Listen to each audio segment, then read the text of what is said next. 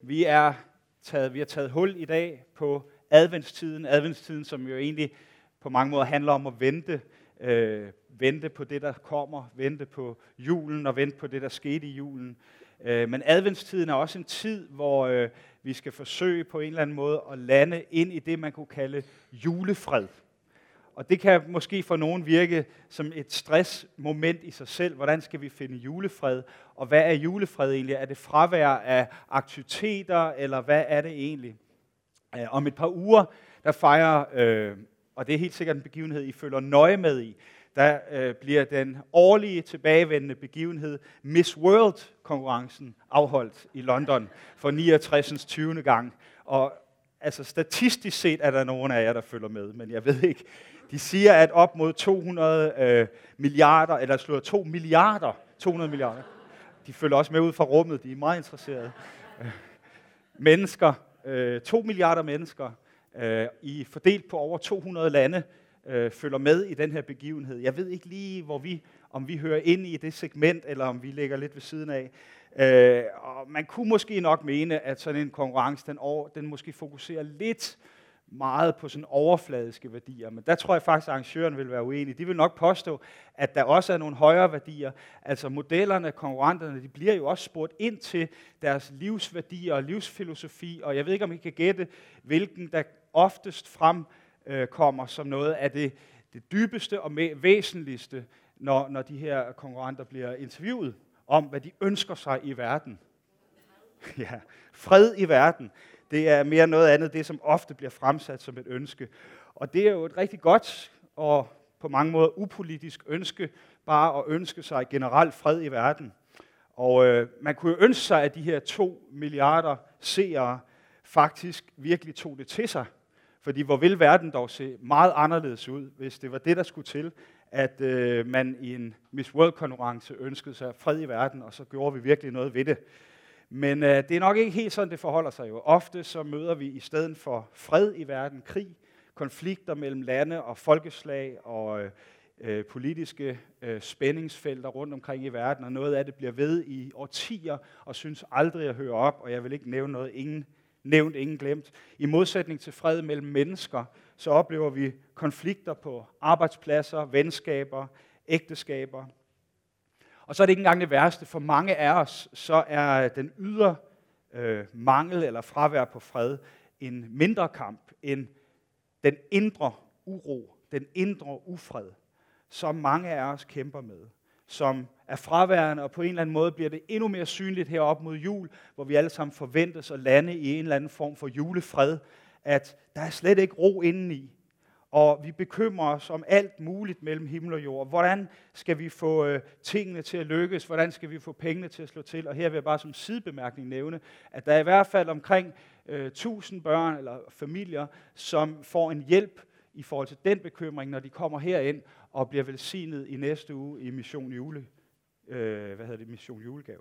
Det er en konkret og lavpraktisk måde at hjælpe folk, som er fyldt af bekymring og julefred. Men mange af os er det på alle mulige måder. Der er pres på. Vi skal pinedød hygge os. Vi skal pinedød slappe af. Jeg husker min mor nogle gange, når vi har skulle sidde sådan fredag, lørdag aften der i julen, og, og mig og min bror, vi har endt med at sidde og skændes. Det ved jeg ikke, om I nogensinde har gjort med jeres søskende. Men så har hun sagt, så hyg jer så! Som sådan en kommando, hyg jer! Og sådan kan man måske føle som et pres, vi skal hygge os. Øhm. Og samtidig er det jo et af, af kernebudskaberne i julen, det her med fred. Og Christoffer talte blandt andet også om det i søndags. Øhm, og det er vel netop øhm, den her helt særlige fred, som vi på en eller anden måde søger i julen, og som jo ikke er en eller anden kosmisk kraft, øh, som i Star Wars. Så fik jeg også lavet den reference, øh, så må Ringenes Herre-referencen komme på et senere tidspunkt. Øh, det er ikke en politisk aftale, vel? Det er ikke en terapeutisk øvelse. Freden er en person. En person, som jeg ved ønsker at møde dig og møde mig, også i dag, med sin fred, lige midt i din situation, lige midt i dine omstændigheder. Skal vi bede sammen? Så himmelske far, jeg takker dig, fordi du øh, har sendt din fred til jorden.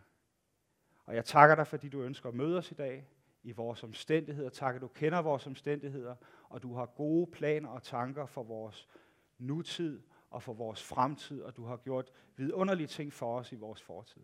Så vi inviterer dig til at komme og tale din, dit nærvær, dit ord og din fred ind i vores hjerter. Amen. Jeg har lyst til at læse et øh, uddrag af det, som vi kalder juleevangeliet. Jeg går ud fra, at I får resten af historien på et senere tidspunkt. Her bare kommer en lille snas. Øh, Lukas 2, øh, vers 13 og 14, hvor der står, Og med et var der sammen med englen en himmelsk hersker, som lovpriste Gud og sang, Ære være Gud i det højeste og på jorden. Fred til mennesker med Guds velbehag. Og øh, bladrer vi lidt tilbage i bogen, og der taler vi om Bibelbogen, så taler Esajas cirka 700 år tidligere i kapitel 9, vers 5, sådan her. Han siger, profeterer sådan her, for et barn er født os, en søn er givet os, og herredømmet skal ligge på hans skuldre. Man skal kalde ham underfuld rådgiver, vældig Gud, evighedsfader, freds fyrste. Og var der noget, man længtes efter i Israel på Esajas tid, og for den sags skyld på Jesu tid i år 0 eller deromkring, så var det fred. Øh, men ikke en hvilken som helst fred. Ideen om fred var jo mere en fravær af krig. Det var en fred baseret på frihed. Romerne opretholdt jo lov og orden i Israel i år 0, og, men det var på deres præmisser. Det var en, øh, en fred, som forudsatte, forud, øh, forudsatte ja, at man betalte skat til romerne, øh, magten lå hos romerne. Var der noget, at jøderne selv fik lov til at bestemme, farisæerne og sadokæerne, så var det udliciteret af romerne. Det var i virkeligheden dem, der sad med magten bagved det hele. Og historisk set i Israels øh, i Israels historie har der været utrolig få perioder egentlig med sådan rigtig reel fred og frihed. Det har måske i virkeligheden kun, i hvert fald i, i øh, uh, GT-historie, været i tiden omkring Salomon, den fred, som David, krigskongen, havde tilkæmpet sig, og som Salomon og hans periode fik lov til at nyde øh, med rigdom og fred øh, over for naboerne osv. Øh, det, var ikke, det er ikke en historie, der præger Israel eller præger jødernes historie, det her med varig fred. Og man kan derfor godt forstå, at jøderne har tolket Esajas profeti her 700 år tidligere, og, og englehærernes himmelsang, hvis øh, de hørte om den, eller for de få vedkommende, som var der og oplevede det selv, som et udtryk for, at en politisk leder var på vej. En fredskonge, en fredsfyrste, en øh, fredsprins, som man siger på engelsk, Prince of Peace, der ville smide romerne på porten, samle nationen og skabe velgang og fremgang, ligesom på Salomons tid. Men fredsfyrsten kom med en anden fred. Og det er måske det, der i virkeligheden er pointen, at hvis netop den fred får lov at bundfælde sig i vores liv, så kan det være med til ikke alene at give os den indre fred, vi længes efter som mennesker, men også skabe fred og forsoning på alle områder i vores samfund omkring os. Og jeg vil gerne i dag bruge lidt tid på at zoome ind på noget, som Paulus og Jesus har sagt netop omkring det her med fred. Fordi hvis det modsatte af politisk fred er krig, og det modsatte af ufred mellem mennesker er konflikt, hvad er så det modsatte af indre fred, kunne man spørge. Og det har Paulus et bud på i Filipperne 4, vers 6-7, hvor han siger, Vær ikke bekymret for noget, men bring i alle jeres forhold, undskyld, i alle forhold jeres ønsker frem for Gud, i bøn og påkaldelse med tak, og Guds fred, som overgår al forstand, vil bevare jeres hjerter og tanker i Kristus Jesus. Og man kunne måske ud fra den her tekst argumentere for, at det modsatte af indre fred, det er netop bekymring. Og der har jeg prøvet at pointere nogle ting fra, fra teksten her. For det første, så siger Paulus, vær ikke bekymret for noget. Jeg det er op i tre dele. Den primære årsag til stress og indre ufred er ikke primært arbejdspres, eller ægteskabelige konflikter, eller miljøkatastrofer, eller politiske spændinger i sig selv.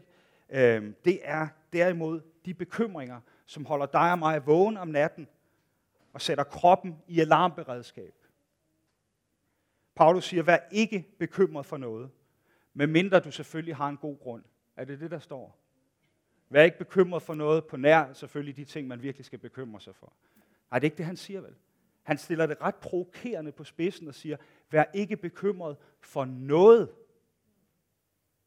Er, det, er der ikke nogen smuthuller? i den udtalelse. Det vil jeg personligt ønske, der er. Jeg synes, at det er ret provokerende udsagn, og det tror jeg også, nogle af jer vil sige. Det er da nemt nok at sige, men hvordan i alverden skal man udleve det i praksis? For jeg tror, mange af os har virkelig haft gode grunde i vores historie, i vores liv til bekymring. Og det havde Paulus jo også. Altså, han havde jo lidt af skibbrud, af forfølgelse, af sult, af fangenskab, af, af tæsk, og så den evige bekymring for de kirker, som han havde startet. Ikke? Går det nu godt med dem? Hvad skal der ske? Kan de finde ud af det? Nej, nu er de ved at stikke af ude på et sidespor. Det er selvfølgelig ikke sådan noget, du tænker på, Flemming, vel? Men det gjorde Paulus. den her evige bekymring, den kendte han jo også godt til. Og alligevel så kommer han med det her provokerende udsagn. Og jeg har lyst til lige at tage en lille sidespring ind i, øh, i øh, hvad hedder det, noget Jesus siger, nemlig fra bjergprædiken, som står i Matthæus kapitel 6, hvor han netop også taler om det her med at bekymre sig eller ikke bekymre sig. Og det bliver en meget kort opsummering, fordi vi har ikke tid til andet lige nu. Men for det første så pointerer Jesus, at bekymring faktisk er ulogisk og unaturligt. Det giver dybest set ikke mening at bekymre sig ifølge Jesus. Fordi hvis du bekymrer dig om noget, du ikke kan forandre, så er det jo formålsløst. Og hvis du bekymrer dig om noget, du kan forandre, så er det jo ikke smart at bruge øh, energi på det. Så er det bedre at fokusere på at forandre det, du kan forandre. I hele Guds skabte univers, der er mennesket vel det eneste væsen, der faktisk går og bekymrer sig. Det er dybest set unaturligt at bekymre sig. Der er ikke nogen, der er født bekymrede. Bekymring er noget, vi har tillært os. Det er noget, vi har iagtaget hos andre, og så har vi tillært det for os selv.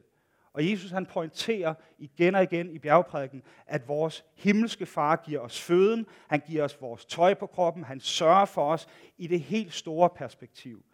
Og vi er ikke engang fugle, vel? Vi er kongebørn af en himmelsk far. Så hvad er det, vi går og bekymrer os om? For det andet så pointerer Jesus, at bekymring er usund, og det hjælper ikke. Jeg ved ikke, om I bruger den term, at man er syg af bekymring. Jeg har hørt den brugt nogle gange. Ah, man er simpelthen syg af bekymring. Og det er nok i virkeligheden tættere på sandheden, end man lige vil tro. Jeg tror ikke, vi er fysisk skabt til bekymring, til angst og til stress. Så i længden, så kan vores krop ikke håndtere at være i alarmberedskab hele tiden. Vi bliver simpelthen fysisk og psykisk syge i vores krop af bekymring. Jeg læste en forsker, som påstår, at mange kunne forlade hospitalet i dag, hvis de kunne slippe fri af skyld, af vrede og bekymring. Det er ikke, hvad du spiser, men det er, hvad der spiser dig, der gør dig syg, sagde en. Ordsprogene 12.25 står der, bekymring knuger en mands hjerte. Eller for den sags skyld en kvinde, måske ofte en kvinde også. Eller jeg ved ikke, om I kan genkende det. Bekymring kan ikke forandre fortiden, og det kan ikke påvirke fremtiden. Det kan kun ødelægge nutiden. Bekymring er som en irrationel betændelse, der hindrer vores psyke i at hele. Og bekymring bliver en del af problemet, i stedet for en del af løsningen. Jesus han siger, hvad bekymrer du dig om? Er min far ikke i stand til at tage mig af dig og hjælpe dig? Han skabte dig, han elsker dig, og han har omsorg for dig. Og jeg ved godt, at mange af os er udfordret i det her. Og det lyder måske lidt letkøbt. Men jeg vil lige for det første pointere, at det ikke er mine ord, det er Jesu ord. Øhm, og for det andet, så kan jeg også godt forstå, at mange af os tænker, det lyder da meget godt, men er det ikke lidt utopisk? Er det ikke utopi at tro, at vi kan leve bekymringsfrit i den her verden, i den her tid, som vi er i? Paulus pointerer for det andet, bring i alle forhold jeres ønsker frem for Gud i bøn og påkaldelse med tak.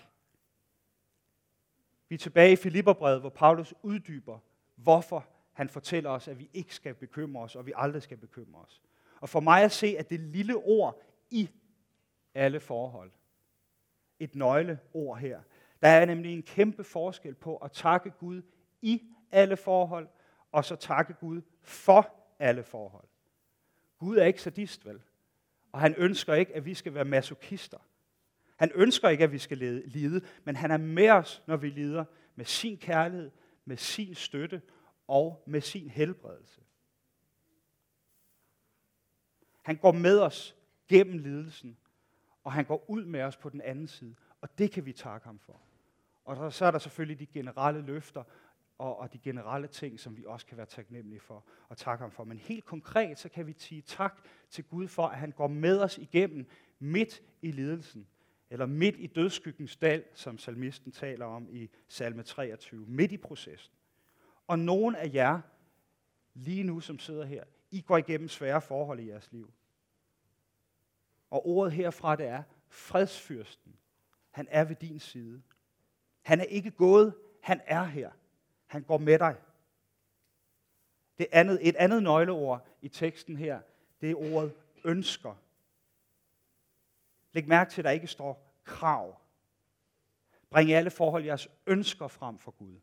Ikke stil jeres krav til Gud. Kan vi stille krav til, hvad Gud bør gøre for os? Eller er det ham, der er Gud? Er det ham, der er Gud, eller er det mig, der er Gud? Kunne man måske helt grundlæggende spørge, og lidt retorisk, i hvert fald hvis det er mig. Min far han mener, at han er mere sådan alvidende, øh, men øh, personligt så, så er det rimelig relevant, at jeg stiller det spørgsmål. Hvad mener vi, at Gud skylder os? Har vi krav på rigdom, sundhed? Har vi krav på et problemfrit liv? Har vi krav på den perfekte netværksgruppe? Eller det perfekte ægteskab? Eller de velopdragende børn? Ubekymrethed er rodfæstet i taknemmelighed, ikke i krav. Ubekymrethed er rodfæstet i taknemmelighed, ikke i krav. Krav afføder derimod bekymring. Hvis du ikke kan finde noget at være taknemmelig for, så vil bekymring være en meget stærk modstander i dit liv. For det tredje pointerer, siger Paulus, Guds fred, der overgår al forstand, bevarer hjerte og tanker i Kristus Jesus, Jesus Kristus. Og øh, igen, som jeg startede med at sige, så er fred ikke en diffus kosmisk kraft, eller en politisk aftale, eller en terapeutisk øvelse, men det er en person. Og det er den person, Esajas profeterer om, nemlig fredsfyrsten. Og det er den person, englene synger om, når de synger om, at freden er kommet til jorden. Og det interessante er, at helt tilbage på Noahs tid, da Jesus han, eller da Gud etablerede en pagt med Noah via regnbuen om, at, at han aldrig mere ville ødelægge menneskeheden. Hvad var det for en symbol ud over regnbuen, som blev en udtryk for den aftale? Det var duen, fredstuen. Og hvad var det for et symbol, der dalede ned over Jesus, da han opstod fra sin dåb? Det var duen, det var fredstuen. Det symboliserer Helligånden. Og pointen er netop, at Gud er fred. Treenig Gud er fred.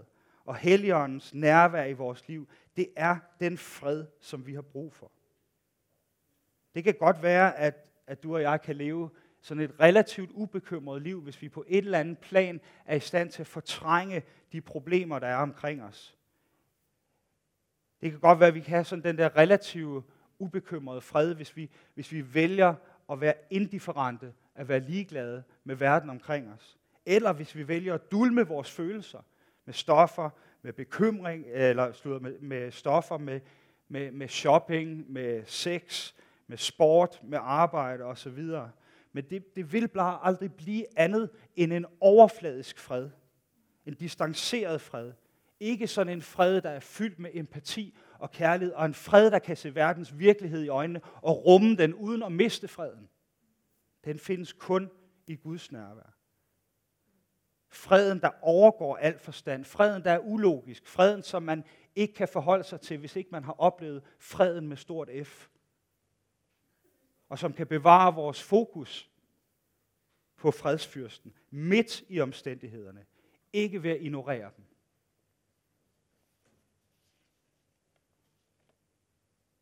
Jeg slutter af med at, at nævne nogle få tanker, for øh, der står i, øh, i 1. Peter 5, 7, Peter han siger, Kast al jeres bekymring på ham, for han har omsorg for jer. Er du stresset? Er du bekymret? Er der ting i dit liv, der er vanskelige? Kast det på Gud. Lad dit urolige hjerte finde fred hos din himmelske far. Det er ham, der klæder liljerne på marken, og det er ham, der giver himlens fugleføde. Det er ham, der har omsorg for os. Nogle øh, bibelkommentatorer påstår, at, at ordet kast i virkeligheden på græsk betyder give slip. Det har jeg ikke kunne finde belæg for, men jeg vil bare lige nævne det alligevel, at måske handler det ikke så meget om at tyre sine ubekymretheder på Jesus, men det handler måske mere om at give slip på det, som vi så krampagtigt holder fast i. Freden er som sagt ikke en kraft, en ideologi eller en terapeutisk øvelse, har jeg sagt tre gange nu, det ved jeg godt, men jeg tror, det er vigtigt at pointere. Det er en person. Og den person er Jesus selv, fredsfyrsten. Og det er kun ved at rette vores blik på ham og fastholde det, at vores bekymrede hjerter kan finde hvile, at vores bekymrede sind kan blive fyldt af hans fred. Det er ham, der møder dig og mig med fred, lige der, hvor vi er. Lige midt i vores bekymringer kan vi få lov til at opleve hans fred. Jeg var i New York for et par år siden, øh, sammen med Gitte og vores to øh, ud af tre piger. Vi var sådan en efterårstur, og, og det, det synes jeg var en kæmpe oplevelse. Jeg ved ikke, hvor mange af jer, der har været i New York, men jeg synes, det er så fantastisk at gå der rundt i alle de her ikoniske omgivelser. Og det der har jeg set på en film, det har jeg set på en film, og det kan jeg også huske. Men jeg vil sige, det der gjorde det allerstørste indtryk på mig, det var at komme ned til Ground Zero. Og stå der ved de her store, eller fraværet af de her to kæmpe bygninger, hvor der nu bare er et hul der, hvor fundamentet stod, med et vandfald, og hvor, man, hvor der på kanten af vandfaldene ved de her to huller, er skrevet navne på alle de 5.000 plus mennesker, der omkom i den her tragiske ulykke. Det rørte mig dybt, og sammen med mange andre mennesker stod jeg bare der og græd. Jeg har ikke personligt mistet nogen, men hele atmosfæren, hele, hele oplevelsen af at blive præsenteret for menneskelig ondhed, som man selvfølgelig kan finde andre steder i verden, også i langt højere grad med folkemord og alt muligt. Ikke det, jeg siger. Amerikanerne er bare gode til at, at på en eller anden måde skabe nogle rammer, der, der påvirker os og bevæger vores, vores sjæl, og det gjorde det for mig her. Øh, men det, som også inspirerede mig, og det kommer op her på slide, det er, at meget øh, tæt på Ground Zero, der er der et bygningsværk, som, har, øh, som er blevet meget kendt. Jeg ved ikke, om du kan få den op på sliden. Øh, og det er øh, den nye metrostation, som er bygget i 2016, og som er blevet verdens dyreste metrostation. Øh, 4 milliarder dollar kostede den. Det er en chat penge. Hvad er det? Det er vel 30 milliarder. Nej, det ved jeg ikke, hvor mange det er. Det, det er mange penge, ikke? 25 milliarder kroner for en metrostation. Jeg er glad for, at de ikke koster så meget her. Så ville vi have haft et problem i København. Øhm, men den deler vandene, den her bygning. Øh, er den smuk? Er den grim? Er den mærkelig? Er den æstetisk? Er det en katedral? Øh, en dødskatedral for de 5.000 omkomne? Eller hvad er det? Det jeg synes, det var, det jeg oplevede, det var, og som jeg ved, at mange andre også med siger, men som kunstneren ikke selv pointerer, det er, at det er en fredstue. Det er en fredstue, der lander lige midt i den her død og ødelæggelse og ufred, som fandt sted på det her sted for 18 år siden. Og Jesus, han kalder dig og mig til at være bringere, budbærere af hans fred til mennesker omkring os. Den fred, der overgår al forstand. Han kalder os til at bære den fred, som han har givet os til en verden fyldt med krig og ufred. Han kalder dig og mig til at være ambassadører for fredsfyrsten, for den sande frihed. Og i praksis, så kan det jo betyde, at vi igennem de ting, vi har øh, kørende her i Kirken, Mission Julegave, planaler, family time, kan være med til at, at bringe fred og bringe ægte julefred, bringe fredsfyrsten selv ind i menneskers liv. Og det kan også betyde, at du kan være med til at bringe fred til din arbejdskollega, til din studiekammerat, til dit familiemedlem, til den person fra din netværksgruppe, som har særlig brug for det. Du kan være den, der bringer fred til dit ægteskab. Du kan være den, der bringer fred til en bekymret ven. Du kan være den, der bringer fred til mig. Jeg har brug for at kunne modtage og bevare Jesu fred i mit hjerte, gennem de ting, jeg går igennem i mit liv. Og det tror jeg også, du har. Så måske skulle vi i dag åbne vores hjerter for fredsfyrsten. Og måske skulle det være et af vores fokusområder, særligt i den her jul, i den her juletid, at åbne vores hjerter for ham på en særlig måde. At lade Helligånden få lov til at lande i dit urolige hjerte og bringe fred til dig, men også igennem dig være med til at bringe fred til mennesker omkring dig slutter med Johannes evangeliet 14, 27, der står, Fred efterlader jeg jer. Min fred giver jeg jer. Jeg giver jer ikke som verden giver. Jeres hjerte må ikke forfærdes og ikke være modløst. Sikke en vidunderlig gave fra Jesus til dig og mig, som vi har mulighed for at tage imod i den her tid og i dag. Amen.